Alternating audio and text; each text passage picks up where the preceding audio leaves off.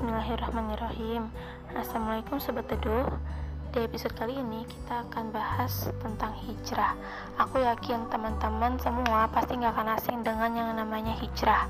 Kenapa? Karena sekarang kan banyak banget ya orang-orang yang hijrah Dan Alhamdulillah banyak orang yang udah sadar dan ingin dirinya menjadi lebih baik. Oke.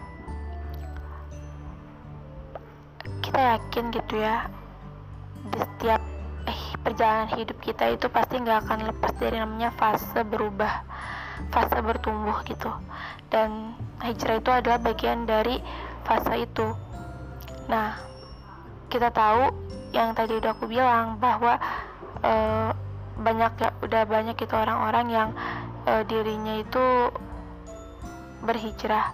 Tapi di antara banyak itu masih ada aja orang yang menutup diri untuk nggak berhijrah gitu.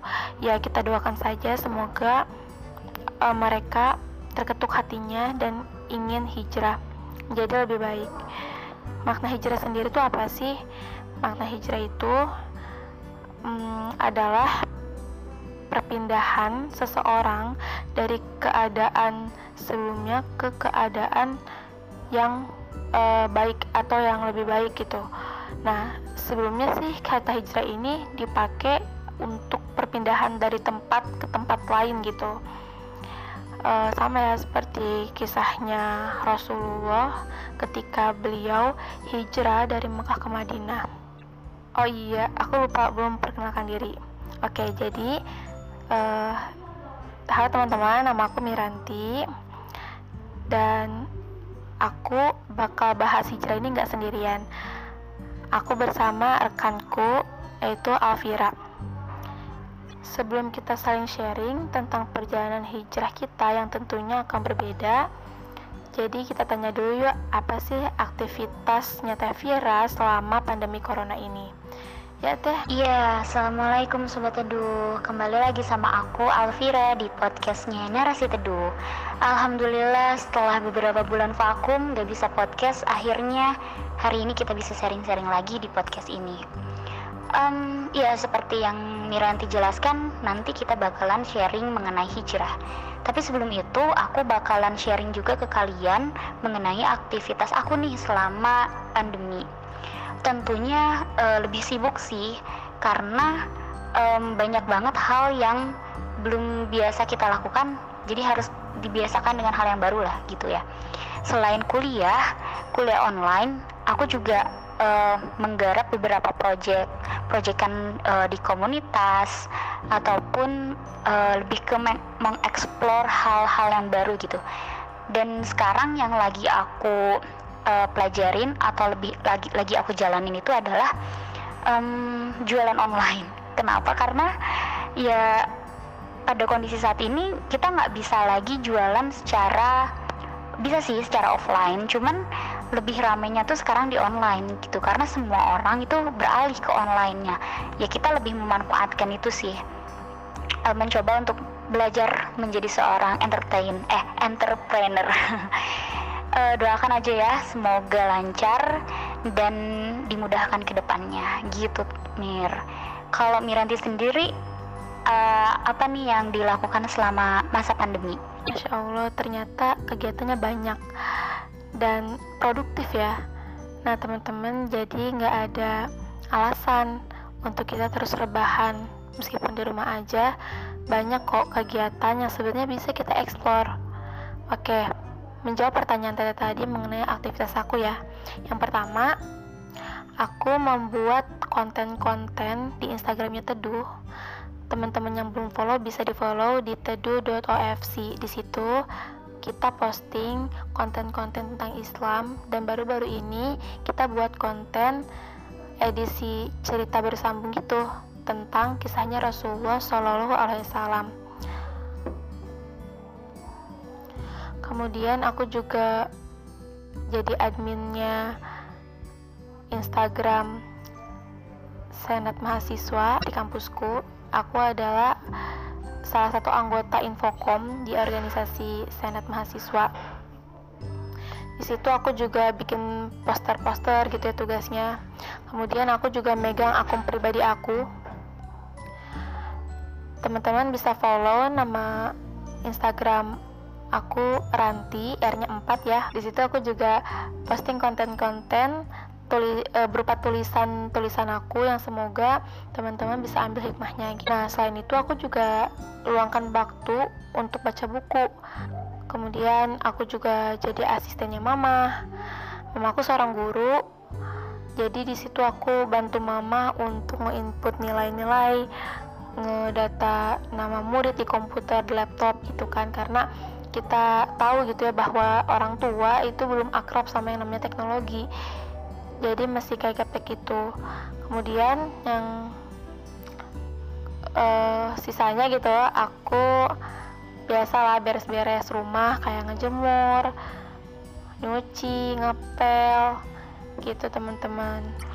Nah, alhamdulillah ya teman-teman, ternyata banyak banget aktivitas yang bisa kita lakukan ketika di rumah aja.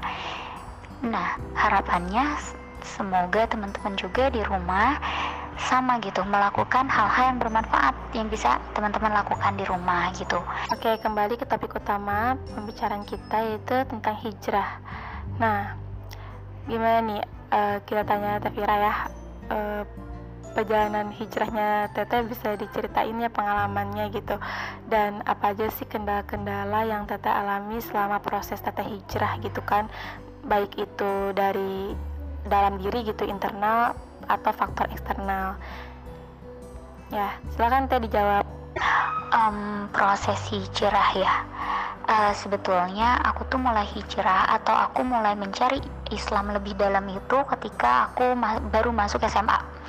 Jadi ketika itu uh, aku mas lulus SMP dan di situ aku udah punya niat untuk memperbaiki diri gitu. Nah akhirnya sebelum aku mulai sekolah di SMA, aku udah buat planning uh, buat rencana apa nih yang harus aku kerjakan selama tiga tahun ke depan gitu selama aku di SMA berarti aku harus uh, mengikuti kegiatan-kegiatan yang mendukung nih tujuan aku agar aku tuh bisa menjadi orang yang lebih baik gitu ya.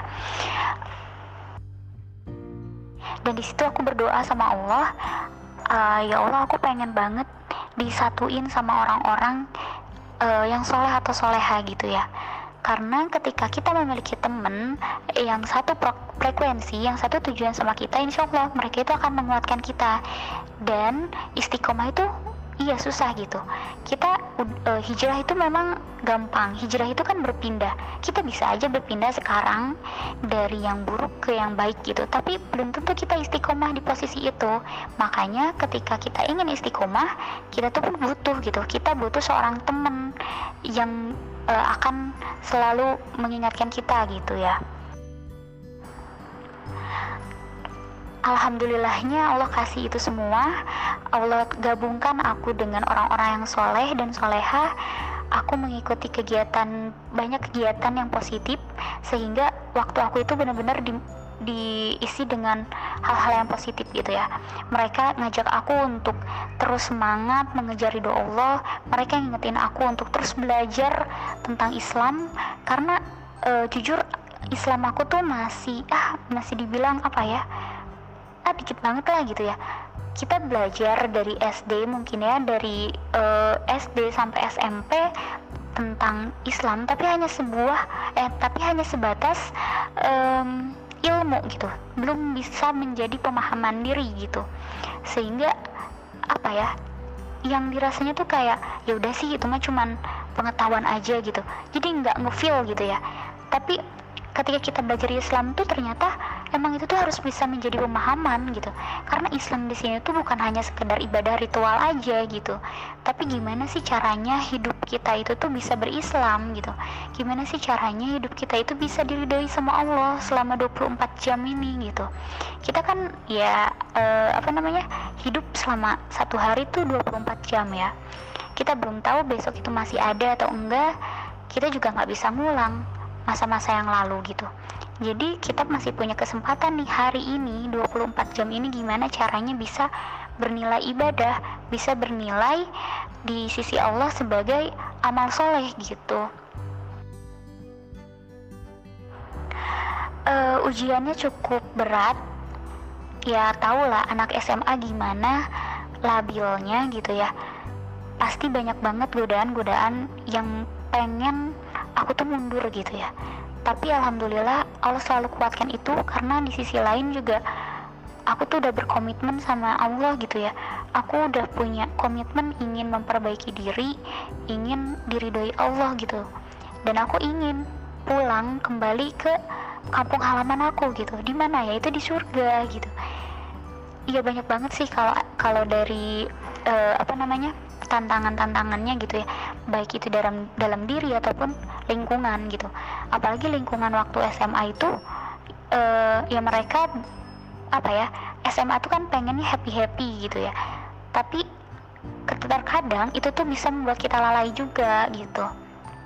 Ya salah satunya untuk menguatkan kita tadi kita punya lingkungan yang baik dan kita terus mengikuti kegiatan-kegiatan yang baik juga gitu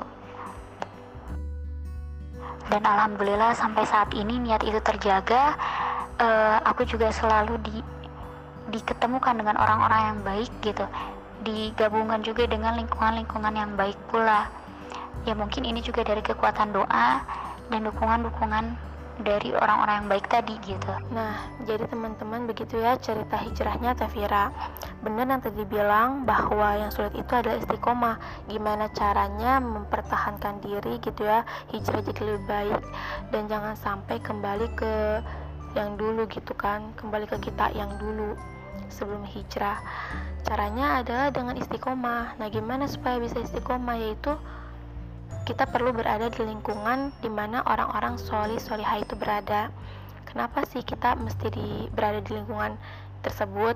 Karena di mana ketika iman kita lagi luntur gitu ya atau futur, kita tuh bisa disemangatin kembali oleh mereka, oleh orang-orang yang soli solihah itu agar tetap istiqomah.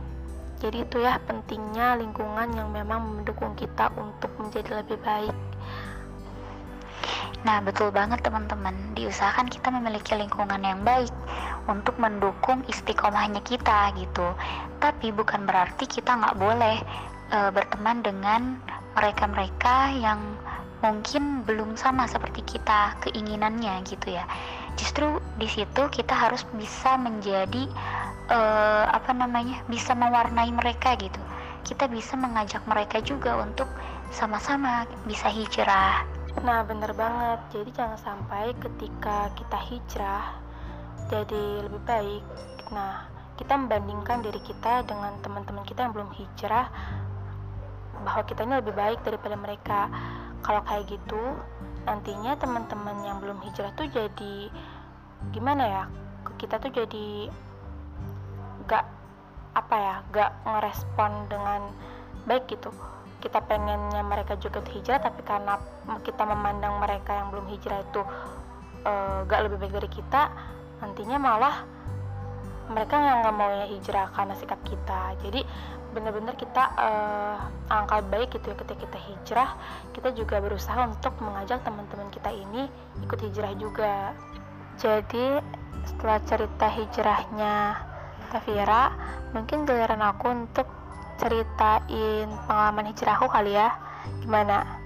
Ceritain nggak nih? Cerita dong Mir, karena kan kita nggak tahu ya cerita kamu ini gimana gitu. Barangkali dari cerita hijrah kamu, dari pengalaman kamu itu bisa menjadi inspirasi, bisa menjadi motivasi buat teman-teman yang mendengarkan. Oke, jadi kalau perjalanan hijrah aku tuh dimulai dari SMP ya. Sebenarnya SD itu aku udah mulai pakai jilbab gitu. Tapi masih labil. Nah dari SMP sampai menuju SMA gitu kan itu udah kokoh lah udah memantapkan hati untuk gak lepas jilbab ketika keluar rumah berpergian. Dan ada satu momen momen waktu aku di SMA itu ketika aku sekolah di sana aku berpapasan dengan salah satu guru. Itu pertama kalinya aku papasan dengan beliau dan beliau itu negur aku karena kerudung aku yang menutupi dada.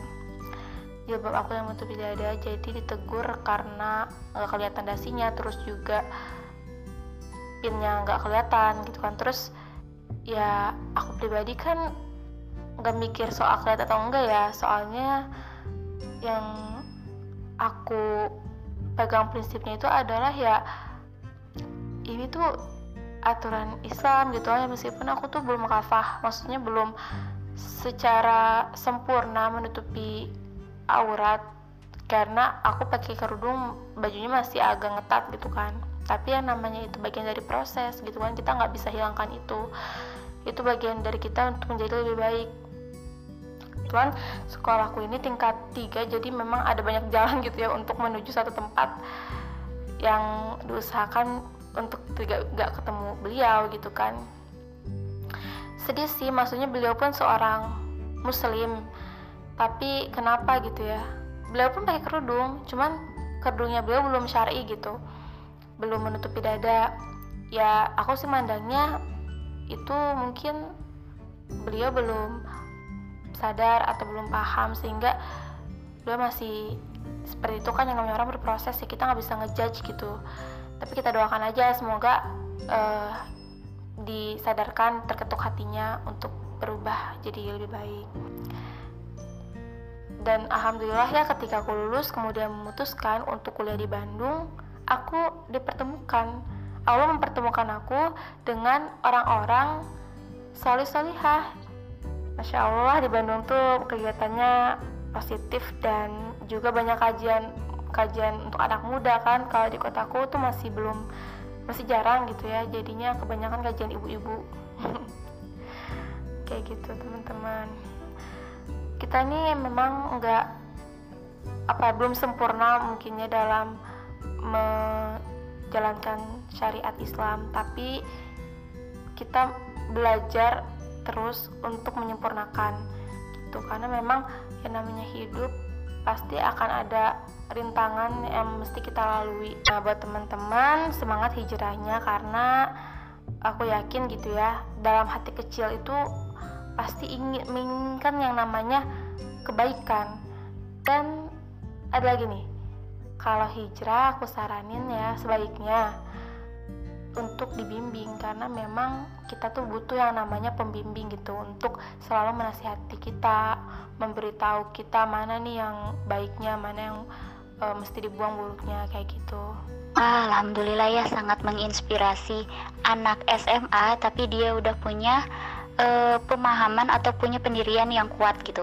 Ya seperti kita tahu kan zaman sekarang gitu ya di zaman yang benar-benar bebas ini kebanyakan anak-anak e, seumuran anak SMA itu masih labil gitu.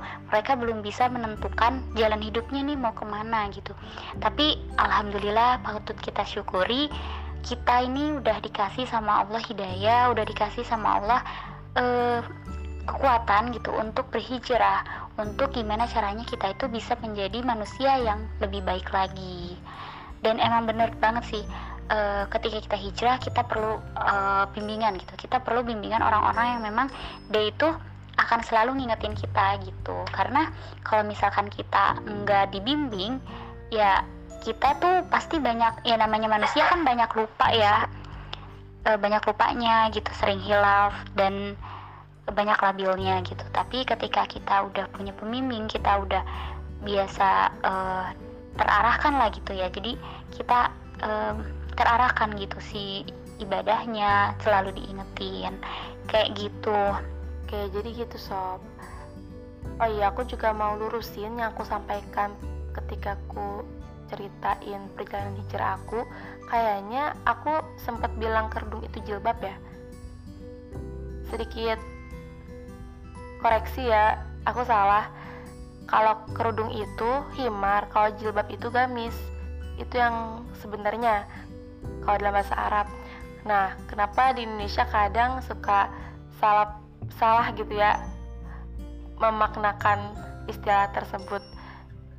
Dibilangnya jilbab itu adalah kerudung padahal jilbab itu sebenarnya gamis. Nah, kalau kerudung itu himar. Kalau hijab itu penutup, penghalang gitu. Oke, jadi dari cerita cerita yang tadi kita jelaskan baik itu dari cerita perjalanan hijrahnya Tafira atau aku gitu ya dan aku semoga sobat teduh semua bisa petik hikmahnya dan jadi pembelajaran buat kita ke depannya. Dan oh ya mungkin kita tutup aja. Ada sebelumnya closing statement dulu gitu. Dipersilahkan Tevira closing statement ya. Alhamdulillah kita sudah berada di penghujung acara um, mungkin dari aku uh, jangan pernah putus asa. Dari rahmat Allah uh, terus istiqomah. Caranya yaitu dengan terus bergerak terus uh, bergerak terus memperkaya ilmu kita, ilmu Islam kita, pemahaman kita terhadap Islam dan jangan lupa untuk diniatkan karena Allah semata ketika kita bergerak, ketika kita e, melangkah, kita niatkan untuk beribadah kepada Allah agar selalu diridhoi oleh Allah Subhanahu wa taala. Hijrah itu memang gampang, tetapi istiqomah itu lumayan agak sulit dan itu petuh perjuangan dan pengorbanan gitu tapi jangan putus asa kita semua ini pasti uh, akan selalu dikasih pertolongan oleh Allah Subhanahu wa taala. Paling kayak gitu Mir dari aku. Oke, alhamdulillah ya sob, akhirnya selesai juga cerita perjalanan hijrah. Dan bagi teman-teman yang mau request ingin bahas apa di podcast narasi teduh, bisa DM ke Instagramnya teduh.ofc. Mohon maaf apabila ada salah-salah kata, ambil baiknya dan buang buruknya. Semoga kita bisa ketemu di episode-episode teduh selanjutnya. Aku pamit undur diri ya. Assalamualaikum warahmatullahi wabarakatuh.